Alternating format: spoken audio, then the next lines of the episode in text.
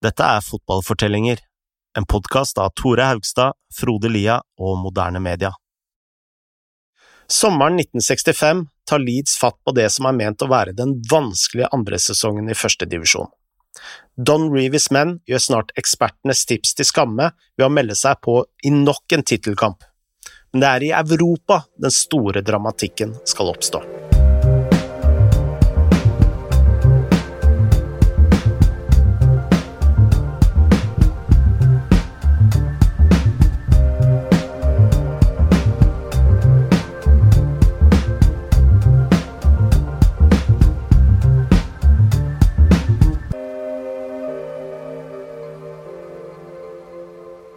I 1965 lurte altså den engelske pressen på om Leeds bare skulle være et blaff, eller om de virkelig kom til å henge seg på i toppen denne gangen også.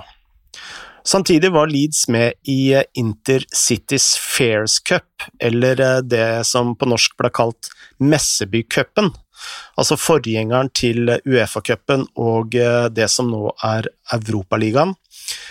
Og i slike cuper er det jo ofte viktig å ha flaksen på sin side. Det er jo små marginer som avgjør, og dette var en faktor som Don Revie hadde veldig stor respekt for. Ja, absolutt, og mildt sagt. Uh, Revie var veldig overtroisk, faktisk. Han hadde en lang liste med ritualer som han fulgte manisk, for å sørge for at Leeds fikk den ekstra lille lykken som de trengte ute på banen. Et av disse ritualene var en blå dress, som Reevy tok på seg før spesielt viktige kamper. Og dette var en lykkedress, og ettersom Reevy ble i Leeds år etter år, ble den jo etter hvert også veldig godt brukt. Frynsete og hullete mm. og godt slitt. Men med seg på benken hadde han også en annen veldig merkelig ting, nemlig en kaninfot, eh, som var ment eh, til å gi ham lykke. Og når man eh, legger til at Reevy også elsket å røyke sigarer, tygge tyggegummi og kaste nedpå minttabletter, så får vi etter hvert en, et rimelig spesielt skue på, på benken der, Tore. Ja, altså Maurizio Sarri var ille, så kan vi bare tenke på hva dette så ut som på 60-tallet. Men Reevy hadde jo også flere vaner enn kun dette på kampdager. Eh, faktisk så gikk han til ekstreme lengder for å luke bort noen sånne ulykkelige tegn som han mente forfulgte Leeds som klubb. Eh, Rob Badgie fortalte oss mer om Don Reevys overtro. Some of them are so bizarre. The idea that that whenever he went to Liverpool, whether to play Everton or or or, or Liverpool, that that he would uh, stop the team bus at a particular set of traffic lights and get out because he had once done it um, when the bus had been stuck stuck in traffic and he wanted to stretch his legs. That he, he got out of the bus, he went up the traffic lights and circled them three times, then walked back and got on the bus. And Leeds had won that day, so every subsequent journey to to either you know twice a season, he would do the same thing.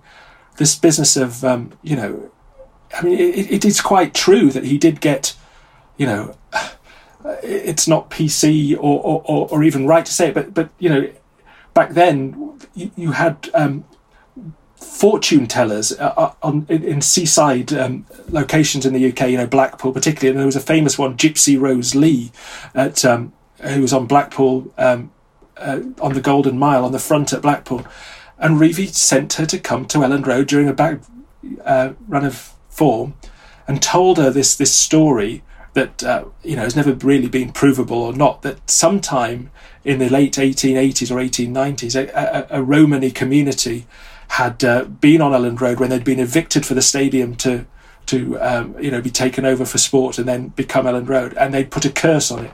And he brought this woman over in a taxi from Blackpool you know 60 miles 70 miles whatever it is and had her you know exercise the ground. He you know leads a Leeds were the peacocks for for you know their hit, history up to that point, and, and he he hated birds. He he he thought they were desperately unlucky, so he. Uh, he changed first the, the, the, nickname from the Peacocks, and then you know Leeds had a, a badge that had an owl on it because that's this uh, one of the symbols of the city of Leeds, and he had that banished and replaced with just the cursive LUFC script down the uh, down, down you know one one breast, and and that was um, yeah. So he did sound crazy, but he was. I think he was aware of it. But then, when you talk to the players, or and you think, you know, you know, was he was he just playing up to the cameras? Was he just playing up to it? And they would say, no, he wasn't. He had, you know, Giles had made. Uh, he, he'd gone into his office one day, I think, to talk about something, and he was on his way home. So he had a, he had a he had his bag of boots with him, a, a bag, you know, with just a brown paper bag with, with, with his football boots in them, and he's talking away at Reevy, and he put he puts the bag of boots on Reevy's desk. Now, apparently, this this you know this transcends some superstitious code. Never put shoes on on on tables apparently, and Revie went you know he went berserk at him and, and and arguably gave him the fiercest dressing down he ever did. You know what are you doing? And and you know other people talk about things that he would, you know, he would have three puffs of his cigar, then put it out, then he would suck a mint for a minute, and then he would, you know, during a game, and then he would he would chew gum for ten minutes, and then he would start the cycle all over again. And the nonsense about, you know, his lucky suits and everything, I mean, were true. You know, if if Leeds were on a good run, he he would wear the same clothes. Um, but I think um, I think a lot of us are have those odd superstitions as as match going fans, but nothing quite like the manager of um, the most successful club in the country at the time. Høsten 1965 eh, må Reeve ha vært eh, helt overbevist om at eh, disse tiltakene, vi kan kalle det tiltak, ja. fungerte. Leeds toppa tabellen etter fem kamper, og unge Peter Lorimer, som blant annet har et veldig slitt og legendarisk hva kaller det, bed and breakfast i Leeds. Ja. Det er Altså, det går jo uh, sagnomsuste ord om den bed and breakfast. Dårlig på renhold, men legendar, en legende bak baren, iallfall. Ja. Uansett så ble unge Peter Lorimer uh, en del av førstelaget, og det var veldig bra, for Lorimer var en av de beste unge offensive midtbanespillerne i ligaen på den tiden, og visstnok skal han ha skutt like hardt som en hest sparker. I oktober var det klart for Leeds sin første storkamp i europeiske turneringer. De møtte Torino i Messebycupen, og treneren Dissin var en, en, kjenning fra sesongen vår om Berlusconis Milan, nemlig ingen ringere enn Nereo Rocco. Uh, en av de store karakterene i, i, italiensk fotballhistorie. og Her snakker vi om en erketypisk gammeldags italiensk trener. Uh, ekstremt kynisk, ekstremt defensiv. Uh, en av de ypperste prestene av Catenaccio, som det het. Rocco eh, var ikke bare defensivt taktisk, men han var også litt sånn, litt sånn som Reevy. da. Eh, kanskje enda verre. Eh, en gang skal han ha bedt spillerne om å sparke alt som rørte seg på banen. og om det var ballen, så var liksom det en, en, en, grei fordel, da, men det var ikke så veldig viktig. Og mot et lag som Leeds da, så var det jo dømt til å bli eh, litt kontroversielle episoder ute på gresset. Og nå skal uh, Reevy avsløre seg som en taktiker også, for uh, før første kamp på Ellen Road sendte Reevy sine spillere ut med nye draktnumre. Og uh, det er jo selvsagt fordi han visste at italienerne brukte mannsmarkering, så dette var jo et triks, og et smart triks, mm. for å forvirre dem, slik at de fulgte feil spillere. Torino fant ut av trikset etter hvert, men Leeds vant 2-1 og dette til tross trodde pressen at eh, Torino kom til å snu dette i Italia. Mm, men det skulle ikke Torino klare. Uh, Leeds, det var klassisk Reevy. Har du en ledelse, så går det bare fra 0-0 på bortebane. og, og Leeds hadde blitt veldig gode på dette. Uh, de fiksa 0-0 i Torino og kom seg videre. Men de kom seg ikke fra, fra Italia helt uh, helskinna. Uh, på et tidspunkt da, så skal italienske Fabrizio Poletti ha satt inn en takling på Bob Bobby Collins, selv om Collins var ti meter under ballen. Um, Bramner sa at det var den verste taklinga han hadde sett, uh, som ikke sier så rent lite. Og Så stygg var han visstnok at konene til to elitespillerne på tribunen begynte å gråte. Så det her må jo ha vært eh, overfall. Uh, Torino-spillerne gjorde, gjorde, det ikke bedre med at de prøvde å bære Collins av banen for å starte kampen igjen. Mm. Som om de trodde han filma og at han prøvde å drøye tid. Leeds var jo i ledelsen. Uh, og da ble det selvfølgelig nytt bråk. Uh, Collins faka det her på ingen måte. Han var ute for sesongen. Uh, og vi kan jo røpe såpass at da han endelig kom tilbake fra skaden neste sesong, så, så var, hadde skaden vært så alvorlig da, at han, ja, han var aldri den samme spilleren som før. Leeds uh, ville altså måtte klare seg uten den uh, inspirerende skotten. Vi spurte Rob Batchy om hvordan Leeds forandret seg uten Collins. Well, it, it, took a couple of uh, years for it to evolve fully, but but what it did do was that um, Giles, who had been bought from Manchester United in 1963 at the beginning of the promotion season, had been played out on the right wing. And as soon as Collins was injured, uh, they moved him inside, so he would play as the 10. Well, I mean, they were essentially played with two central midfielders back then, you know, in a 4 4 2, that they would uh, have Bremner at, as one of them on the right, Giles on the left. So he'd come out from come in from the peripheries, and and changed Leeds gradually into a more progressive team. That his range of passing and his ability, particularly to link up with with Cooper, the left back, and Hunter, the left-sided centre back, and when Gray came into the team a bit later. Um, that they would sort of form a little left-sided uh, little society, and they would they would you know pass intricately up that wing and get the ball across uh, so they became a more passing team, and, and, they became a team that, that was able to probe a little bit more around the penalty area rather than just you know uh, all being about fighting. It was a, it, gradually evolved into more possession football uh, when when Collins went. I mean, he did try to come back, but I think his injuries.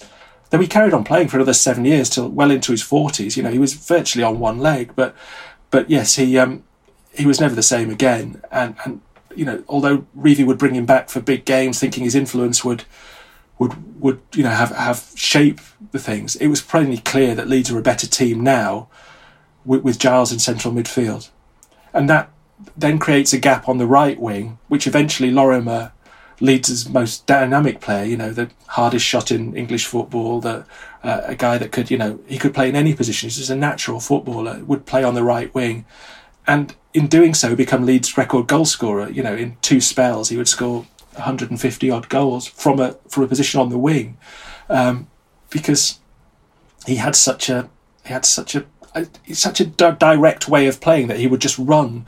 You know, he could either go wide, he could cross, but he would he would you know he would run in field. He would make those diagonal runs in from the wing. So Leeds would start to evolve certainly towards the end of the 60s into a team that was playing if not quite four three three, something similar to that that that that, that Lorimer would, would join in the attacks at, at will. So yeah, I think I think Collins took them to a level, but such was his age when he signed that, that you know he's 31 when he signed. He took them to a cup final. He got them promoted. He got them to runners up in the league. But but you know, I think it I think it was fundamental for him to to to um, recede a little bit, his influence recede for them to then kick on and start and start winning things. Though it's a shame that the only thing that he has to show for his his his you know his effect as Leeds' most transformational signing ever, really, apart from Reevy himself, I suppose, um, is a second division championship medal. I november møtte Leeds en ny tøff motstander i Messeby-cupen. Denne gangen bar det til Leipzig, og dette var da en helt annen klubb enn den moderne Leipzig, eh, som er finansiert av den østerrikske energidrikkgiganten. Dette var bak jernteppet under den kalde krigen, og Lorimer beskrev turen til Øst-Tyskland som følgende. Du fløy først til Vest-Tyskland, så satte du deg på en østtysk buss for å krysse grensen. Bussen hadde rust på hjulene og kjørte over veier fulle av hull i to og en halv time gjennom snøen, helt til det skimtet østblokken. En samtale mellom mer enn to personer ble ansett som en konspirasjon. Det hele var veldig urovekkende. Uh, sitat Lorimer. Sitat Lorimer. Selve kampen ble prega av tungt snøvær før avspark, men uh, det var så, de var ikke så veldig nøye på det på den tida. Kampen ble likevel spilt. Uh, de bare trampa ned snøen sånn at den ble hard og kompakt, brukte blå linjer i stedet for hvite, og kasta ut på en oransje ball. Dette skapte selvfølgelig en risiko for at spillerne kom til å skli på snøen, men Reevy hadde selvfølgelig en plan for dette. Han sørga for å skrape bort et lag med lær fra undersida av fotballstøvlene, sånn at knottene ble ekstra skarpe. Reevy visste jo at dommerne kom til å sjekke støvlene før avspark, så han eh, fikk spillerne til å dekke tuppene med små papirbiter. Og disse sparket de av like før avspark, sånn at de fikk ekstra spisse knotter. Og siden Leeds ofte viste knotter i taklingene, var tyskernes bein snart fulle av blod. Tyskerne klaget heftig til dommeren, men han sa at han hadde allerede sjekket skoene, og de var helt fine, de. uh, og det hjalp Lidsberg å vinne den kampen. De, de dro hjem med 2-1 i sekken. Uh, og selvfølgelig klassisk Reevy i returkampen på Allen Road, så forsvarte han seg til 0-0. Men uh, alle kampene i Europa hadde jo uh, utsatt mange av de oppgjørene som Leeds skulle spille i ligaen. Uh, og Det betydde at de hadde et veldig veldig travelt program inn mot jula. Ja, for man klager jo ofte om tett kampprogram nå. Klassisk. Mm. Men hør på dette. Leeds møtte da tittelrivalene Liverpool 27.12., og igjen 28.12., altså dagen etter. Uh, altså to oppgjør i ligaen mot samme lag på to dager. Så møtte Leeds Sheffield Wednesday 1.1, og da snakker man om ja. ganske beinhard, uh, beinhardt juleprogram. Ja, det gjør vi. Uh, og Det var vanskelig å vinne alle disse kampene også. Leeds vant 1-0 på Anfield, som var veldig sterkt, men tapte så 1-0 hjemme dagen etter. og I slutten av januar litt senere, da, så tapte de mot Sunderland, hvor Alan Peacock fikk en skade som satte han ut for sesongen. Uh, dette var veldig dårlig nytt for Reevy, og han visste allerede da at det kom til å bli veldig vanskelig for Leeds å vinne ligaen. Uh, og det ble det. Uh, de endte til slutt på en ny andreplass. Men Leeds var fortsatt med i Europa. Neste motstander i Messebycupen var Valencia, et sterkt lag som hadde vunnet turneringen i 1962 og 1963. Og også her ble det slagsmål på banen. Jack Charlton var nå kaptein, ble sparket ned av en Valencia-spiller og ville ha hevn. Dette førte til at 14 av spillerne begynte å slåss, og 12 politimenn måtte ut på gresset for å roe det hele ned. Charlton ble utvist sammen en spanjol. Senere ble også Valencia-spilleren José Maria Sanchez Lage utvist. Men som vanlig var det Leeds som kom best ut av krigen. De fikk 1-1 hjemme og vant 1-0 i Valencia. Nå var Leeds i kvartfinalen, hvor de møtte Upest Dosa fra Ungarn. Litt vanskelig navn. En stor, stor klubb fra på den tida. Uh, Leeds vant 5-2 sammenlagt, men, men, dette var et sterkt lag. og uh, Leeds fikk veldig mye hjelp av forholdene på Allen Road, hvor de vant 4-1 på en, et, et gjørmebad av, av en bane. Som selvfølgelig engelskmennene takla mye bedre. Den kampen ble forresten også stoppa i ti minutter fordi en svart hund hadde løpt inn på banen og var så kjapp at verken politimenn eller spillere klarte å, å fange han. Dermed var det klart for eh, semifinalen mot eh, Saragossa. Dette var et eh, nytt, sterkt lag som hadde vunnet cupen i 1964. Som vanlig ble det ampert, det er jo noe som går igjen her med ja. Leeds Eh, gang etter gang. Eh, og Johnny Giles og eh, José Luis Violetta ble utvist mot slutten av det første oppgjøret i Spania.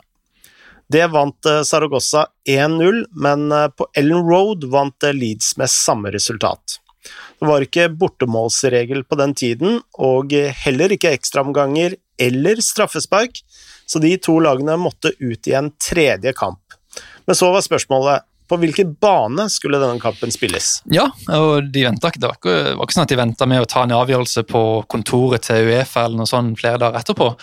Avgjørelsen kom rett etter at kampen var ferdig. Eh, på banen. Eh, Jack Charlton gikk til midtstreken med dommeren for å gjøre et myntkast om hvem som skulle få denne hjemmebanefordelen. Og Dette skjedde da mens de 45 000 tilskuerne venta spent på tribunen. Charlton han valgte riktig, og dermed eksploderte Ellen Road i full jubel. Uh, og Reevy løp bort på banen og klemte Charlton, som om han nettopp skulle ha skåra vinnermål. Før uh, omkampen hadde Reevy som vanlig et uh, triks på lur. Altså, vi har nå hørt om draktnummertrikset. Mm. Nå henter han fram et enda eldre triks. Han tenkte jo at spanjolene ville slite om banen var tung og gjørmete, slik ungarerne hadde gjort i runden før. Så han fikk det lokale brannvesenet til å dynke gresset før kamp. Det Reevy kanskje burde ha gjort litt bedre research på, var at eh, Saragossa er jo fra nord i Spania. Eh, de er vant med dårlig vær, de også og et kvarter ut i omkampen ledet de 3-0. Leeds eh, reduserte senere, men det var eh, Saragossa som eh, gikk til finalen. Dette betydde at Leeds måtte akseptere nok en sesong med gode resultater, men uten trofeer. De hadde tatt en ny andreplass og vært nær en europeisk finale, men altså, hva skulle egentlig til for at de skulle ta det siste steget? Sommeren 1966 eh, skjedde det noe veldig stort i engelsk eh, fotball. England vant VM for aller første gang på hjemmebane, og Jack Charlton var eh, en av dem som var med. Også Norman Hunter var med i stallen. Og det var jo for all del veldig stort i England, men Don Reevy han hadde vel foretrukket at vinne, heller ville vinne en tittel med Leeds. Og nå begynte han en ny jakt på sin første store suksess som trener. Dessverre for han fikk Leeds en ujevn start. Um, de hadde mange spillere som var skadde, blant de Peacock, og i november tapte de 7-0 mot Westham i ligacupen. Og Det skal nesten være umulig for et så robust forsvar å slippe inn så mange mål. og Det så jo ut som et feilskjær også når Leeds vant 3-1 mot Leicester fem dager senere. Men uh, så tapte de da 5-0 for Liverpool, uh, og da virka det som om noe var alvorlig galt med, med Leeds. Enkelte lurte på om hele prosjektet til Reevy nå holdt på å falle sammen. Uten eh, Peacock var det åpenbart for alle at de trengte en spiss. Men Reevy nektet å hente nye spillere, og sa at han heller ville satse på ungguttene Lorimer og Eddie Gray. Dette hadde gitt mer eh, mening om Leeds eh, fortsatt slet med finansene og var i andredivisjon, men eh, i desember hadde Reynolds annonsert et overskudd på 59 000 pund. Det betød at Leeds var gjeldfrie for aller første gang i sin 47-årige historie. Fra og med midten av desember begynte Leeds å skjerpe seg. De tok tre seire på rad, og innen nyttår var de oppe på sjetteplass. Men så kom et nytt tap mot Nottingham Forest i januar, eh, hvor Bremner ble utvist et kvarter før slutt. Eh, og Dette var litt klassisk Bremner. Han hadde vært i krig og batalje med Forest hele kampen, og mot slutten så ble han sparka uten at dommeren så det. Selvfølgelig kokte det over for Bremner, som sparka til keeperen Peter Grummet mens han lå over ballen. Uh, og Bramner måtte da inn foran teppet foran en disiplinær, uh, disiplinær komité i Fotballforbundet for fjerde gang på tre år. Uh, det må ha vært en slags rituale for spillere som, som var liksom i, som havna i trøbbel ofte. da, og Der ble Bremner suspendert i to uker, som er ganske drøyt. Bøtelagt 100 pund.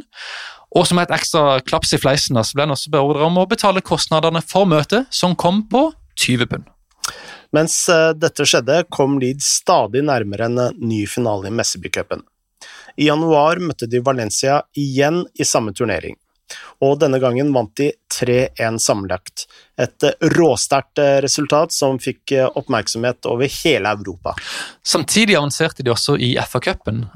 De kunne rett og slett vinne tre trofeer den sesongen, men det skulle jo ikke bli lett. I mars møtte de Sunderland i den turneringa og spilte 1-1. Uh, da omkamp nummer to endte med samme resultat, så ble det en tredje kamp. Uh, og Denne tredje kampen skulle da spilles to dager før Leeds møtte Bologna borte i Messeby-cupen. Dette ga Reevy et problem.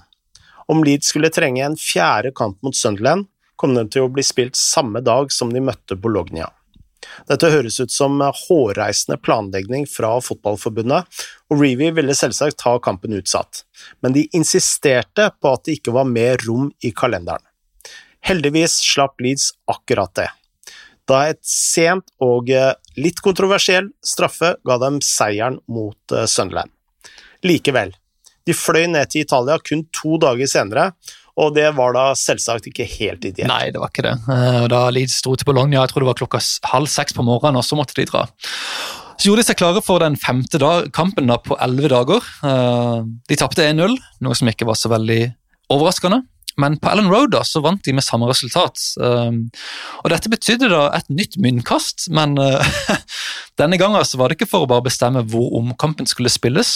Uh, denne gangen var det ingen omkamp. De kastet rett og slett mynt og kron for å bestemme hvem som skulle gå videre til neste runde. Og Vi kan jo tenke oss spenninga her. altså Tenk å være Leeds-fan på Ellen Road og se kapteinen din spasere bort til midtsirkelen for å si kron eller mynt, og vite at dette utfallet skal avgjøre hele greia.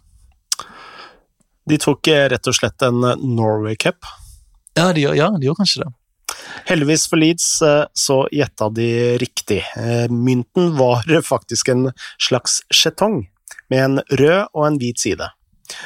Bologna-kaptein Giacomo Bulgarelli Sa jeg det riktig? Ja, helt greit. Ja. Eh, han sa rødt, og, eh, men det ble hvitt. Og det finnes et utrolig bilde hvor han og Bremner står i midtsirkelen med dommeren, og Bremner kaster hendene i været og eh, jubler som han skulle ha vunnet halve kongeriket. og hvem vet, kanskje det var Don Reeves lykkedress som påvirka utfallet? Mm. Helt sikkert for Reeves så Helt sikkert så hadde han noen sånn intern dialog om at aha, vi vant her pga. at jeg gjorde det. Den blå dressen, ja. ja eller eh, kaninfoten, eller hva det var for noe. Tilbake i ligaen var Leeds uh, sin form såpass ustabil nå at tittelen egentlig var utenfor rekkevidde. Uh, de kom på fjerdeplass, mens Manchester United tok tittelen. Uh, og med 62 mål på 42 kamper så var det jo åpenbart hva Leeds hadde mangla. De trengte fortsatt en klassespiss. Heller ikke i FA-cupen kom de seg til topps. De røk ut i semifinalen mot Chelsea, og det under kontroversielle omstendigheter. Leeds hadde skåret et mål på frispark, men dommeren hadde annullert det fordi Chelsea-muren hadde stått for nærme ballen. Leeds ble altså fratatt et mål for at eh, Chelsea ikke fulgte reglene. Dette etterlot eh, Messaby-cupen som det siste håpet. Um, Leeds slo Kilmarnock greit i semifinalen, og var dermed klar for sin første europeiske finale, som skulle spilles mot kroatiske Dinamo Zagreb. Men tingen her er, er jo at uh, det hadde vært så mange utsatte kamper den sesongen at selve finalen måtte bli flytta til august, altså neste sesong.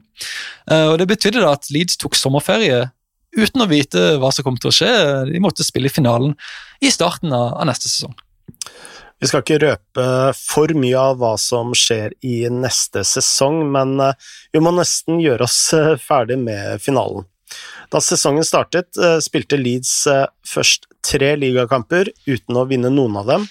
Leeds tapte så den første finalen 2-0 borte, og klarte kun 0-0 hjemme. Igjen slet de med å skåre mål og igjen falt de helt mot slutten. Og Nå hadde det jo dannet seg et mønster her, eh, klart. altså Leeds ble alltid med langt dypt inn i turneringene, men tapte alltid de viktige kampene helt på tampen. Vi spurte Rob Badgie om hvorfor det var blitt sånn. Um, and I think it was the same for many clubs. I think uh, fatigue was, was one element that, that he didn't he didn't rotate his team. He didn't bring players in and out. But then very few players, very few teams did. So they were going quite deep in European competition. So and uh, they were going quite deep, usually in the FA Cup. Um, but they had, I mean, I think one of the problems was that their, their lack of a consistent, reliable centre forward. Too, uh, they had Alan Peacock, uh, who played in the promotion team, but he was a, a you know a thoroughbred centre forward who had a bad knee, and the only reason that they were able to sign him from Middlesbrough um, he played at the 1962 World Cup as England centre forward was because you know he was essentially uh, damaged goods. And though he, he was when he was fit, he was brilliant. He would have runs of 9, 14, 15 games and score sorry nine goals in, in those runs. He was never consistently fit, so Leeds were always filling in with with with Johnson, say, or, or Rod Belfit, uh, another youth team uh, player. They would sometimes have they had went a whole season with Paul Maidley, um, who, who was you know the most versatile of those players, but he played a season up front um, because they just did, had nobody else. So certainly in the 60s that was part of the problem. Med så mange feilskjær på oppløpssiden var Leeds i ferd med å få et rykte som et nestenlag. De hadde jobbet steinhardt i årevis uten å få betalt, men det skulle ikke ta lang tid før Reevy endelig lykkes.